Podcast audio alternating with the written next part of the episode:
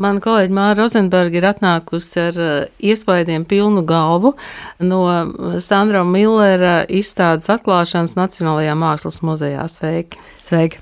Vēl negluži atklāšanas, es biju vēl ieskatījos darba procesā. Pirms atklāšanas. Pirms atklāšanas, un man bija izdevība noķert uz garāku sarunu arī pašu izstādes uh, autoru, fotografu Sandro Milleru.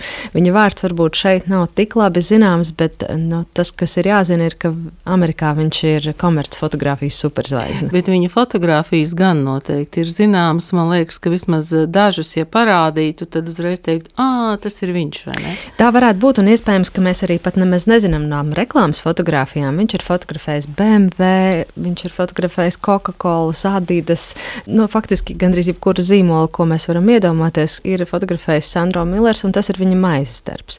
Ar to viņš ir zināms un ļoti pieprasīts, bet, kā viņš saka, nu šis darbs man nopelna maizīti un labu iztikšanu, bet nu, dvēselē vajag mākslu. Un arī viņš sirdī ir mākslas fotogrāfs, un tad viņš ik pa laikam aizslēdz savu studiju kādu laiku un nododas mākslas projektiem.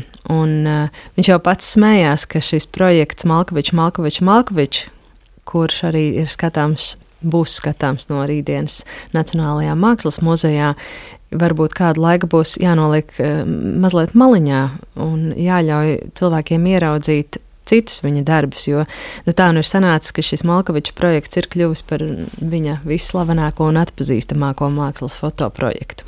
Nu, šobrīd eh, Latvijā Malkoviča vārds eh, tiek locīts eh, dažādos veidos, tāpēc, ka mēs pagājušajā sezonā redzējām Dēls teātrī Malkoviču skatuves. Šajā sezonā Malkoviča iestudē izrāda Leopoldu štate un plus vēl viņš ir modelis šajā fotoizstādē. Tieši tā. Tā nav sakritība, ka šī izstāde Latvijā ir tieši pašlaik, un tas ir pateicoties vienam mecenātam, kurš bija šo izstādi redzējis Bulgārijā, kur arī tas sakrīt ar Malkoviču viesošanos kā aktierim, un eh, piedāvāja Nacionālajiem mākslas muzejam iesprāgties ar šo izstādi pa vidu citām. Viņi to izdarīja, ieliekot šo izstādi Nacionālā mākslas muzeja kupola zālē, kas patiesībā ir ārkārtīgi izaicinoša vieta priekš šādas fotografiju izstādes, bet scenogrāfs un dizainers Artūrs Anāls ir izdarījis gandrīz neiespējamo šīs fotogrāfijas uzliekot uz dažādu krāsu ādas toņiem, uz ārkārtīgi elegantām ādas krāsas planšetēm, kuras arī pats fotografs Sandro Millers bija nu, pilnīgā sajūsmā par to ideju. Viņš teica, Anāls mani ir ieraudzījis, viņš ir sapratis gan to, kā Malkovičs iejūtas citu cilvēku ādā, gan arī pašu Sandro Milleru lielo interesi par dažādu ādas krāsu, cilvēku fotografēšanu, dažādu minoritāšu fotografēšanu un uh, viņa rokrakstu. Un tas stāsts par Malkoviču ir tāds. Sandra Millers un Džons Malkovičs pirms šī projekta bija pazīstami un labi draugi jau vairāk nekā 15 gadus. Viņš viņu bija fotografējis daudzkārt, Un uh, Malkovičs Viņam kā fotogrāfam, kā māksliniekam bija tāds, kā viņš saka, ideālais modelis, kur vienkārši vienmēr ir ārkārtīgi interesanti fotografēt. Un tas, kā Sandro Millers nonāca tieši pie šī projekta, ir patiesībā ārkārtīgi personisks un intīms stāsts, jo, un to viņš arī stāstīs uh, intervijā, kuras fragmentu mēs pēc brīža dzirdēsim. Sandro Millers pirms kāda laika ļoti smagi saslima ar vēzi. Viņam atklāja vēzi 4. stadijā, Un viņš bija spiest gandrīz gadu nestrādāt, un guļot gultā un domājot par to, ko viņš ir paveicis savā karjerā. Viņš sāka domāt, kā lai pasakā paldies tiem mākslas fotogrāfiem, kuri ir tik ļoti iedvesmojuši viņa karjeru.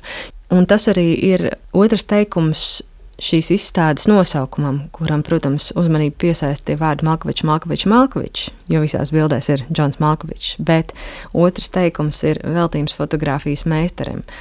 Un tas, ko jūs redzēsiet, pirmo ir Malkovičs, kurš ir iejūties dažādos 20. gadsimta fotografijas klasiķu veidotos attēlos, bet tas, kam pats Millers ļoti gribētu, lai jūs pievēršat uzmanību pēc tam, kad jūs esat ieraudzījuši visur Malkoviču, ir piemēram Ervinga Pēna, Trūmans Kapota. Ervings Pēns ir viens no Amerikas eh, fotografijas klasiķiem, ko arī Millers sauc par savu pirmo iedvesmu savodu.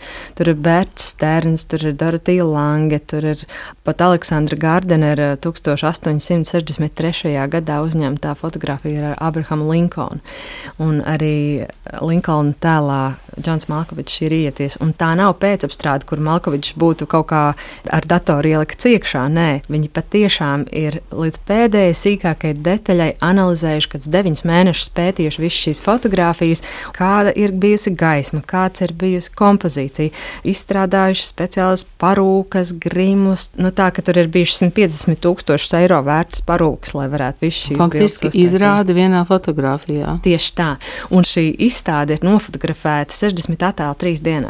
Var iedomāties, kāda izrāde tā ir bijusi Malkovičam, kurš ir vienkārši bam, bam, bam, nemitīgi iejuties kādā citā tēlā. Protams, viņam arī tas ir ārkārtīgi interesants piedzīvojums noteikti bijis. Un te mēs varam paklausīties fragment no Sandra Millera stāstītā par savu izstādi. Un uh, garāku sižetu tad mēs dzirdēsim pirmdienas kultūras rondā. Paldies! So I started this project after I was diagnosed with a stage four cancer.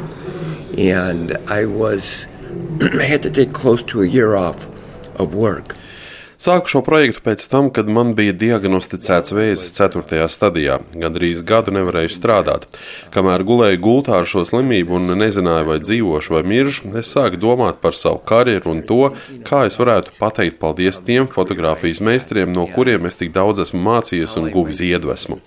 Aizvēru acis un domāju par visām tām ikoniskajām fotografijām, kuras šie maestro ir uzņēmuši un kuras uz mūžiem palikušas man prātā.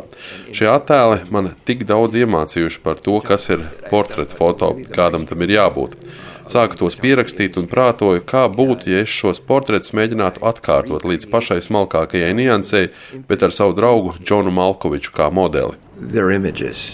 Using my friend John Malkovich. So John Malkovich was in the picture, so mm. Jūs jau no paša sākuma zinājāt, ka modelis būs tieši Malkovičs.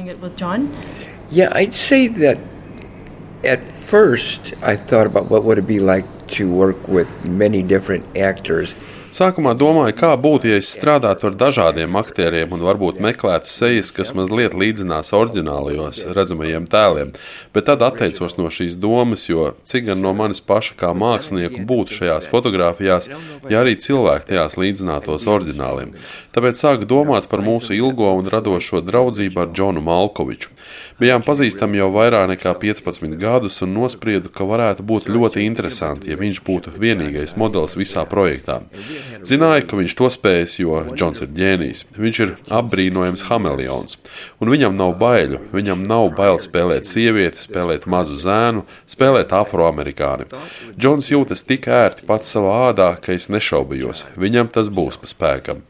Jau pirmajā reizē, kad fotografēju Džonu Malkoviču 90. gados, es redzēju, ka varētu turpināt viņu fotografēt visu mūžu. Viņš ir perfekts modelis, ārkārtīgi interesants cilvēks, interesanti izskatās un var iejusties pilnīgi jebkurā tēlā. Savas teātra un režijas mīlestības dēļ viņš labi saprot gaismu un skaidri redz, ko režisors vai fotogrāfs vēlas. Fotosesijā viņš atdod sevi visu. Hmm.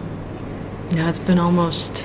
Tagad ir pagājuši gandrīz desmit gadi, kopš jūs ar Džonu Malkoviču veidojāt šo veltījumu fotografijas meistariem. Kāda šodien ir sajūta skatoties uz šiem attēliem izstādē? Really you know, I never, I never did this project to become famous. Ziniet, ir tiešām interesanti. Es neveidoju šo projektu, lai kļūtu slavens. Es neveidoju šo projektu, lai pelnītu ar to naudu vai braukātu apkārt pa pasauli. Man pat nenāca prātā, ka tā notiks. Es to veidoju tikai un vienīgi kā remdinājumu sev pašam, smagā laikā, kad cīnījos ar lielām veselības problēmām. Kad šis projekts kļuva tik slavens, un mums ar Džonu sāka zvanīt no dažādiem žurnāliem un galerijām, kas gribēja publicēt šos attēlus, es pat nezināju, kā reaģēt. Nebiju to gaidījis.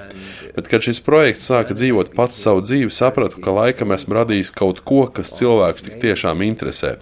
Un es sāku domāt, kā šis projekts varētu palīdzēt citiem, piemēram, jaunajiem fotogrāfiem vai profesionāļiem, kuri ir iestrēguši un meklē jaunus ceļus. Šis darbs kļuva arī par vēstures stundu portretu fotografijas mākslā un tas man iepriecina vairāk par visu. Šai izstādē apceļojot pasauli, cilvēki izvelk telefons vai aiziet pie datora un iegūglē Ervingu Pennu, Artūru Sasu, Albertu Vatsonu, Anniju Leibovicu un citus. Viņi ir īstie fotografijas meistro, portreta fotografijas radītāji.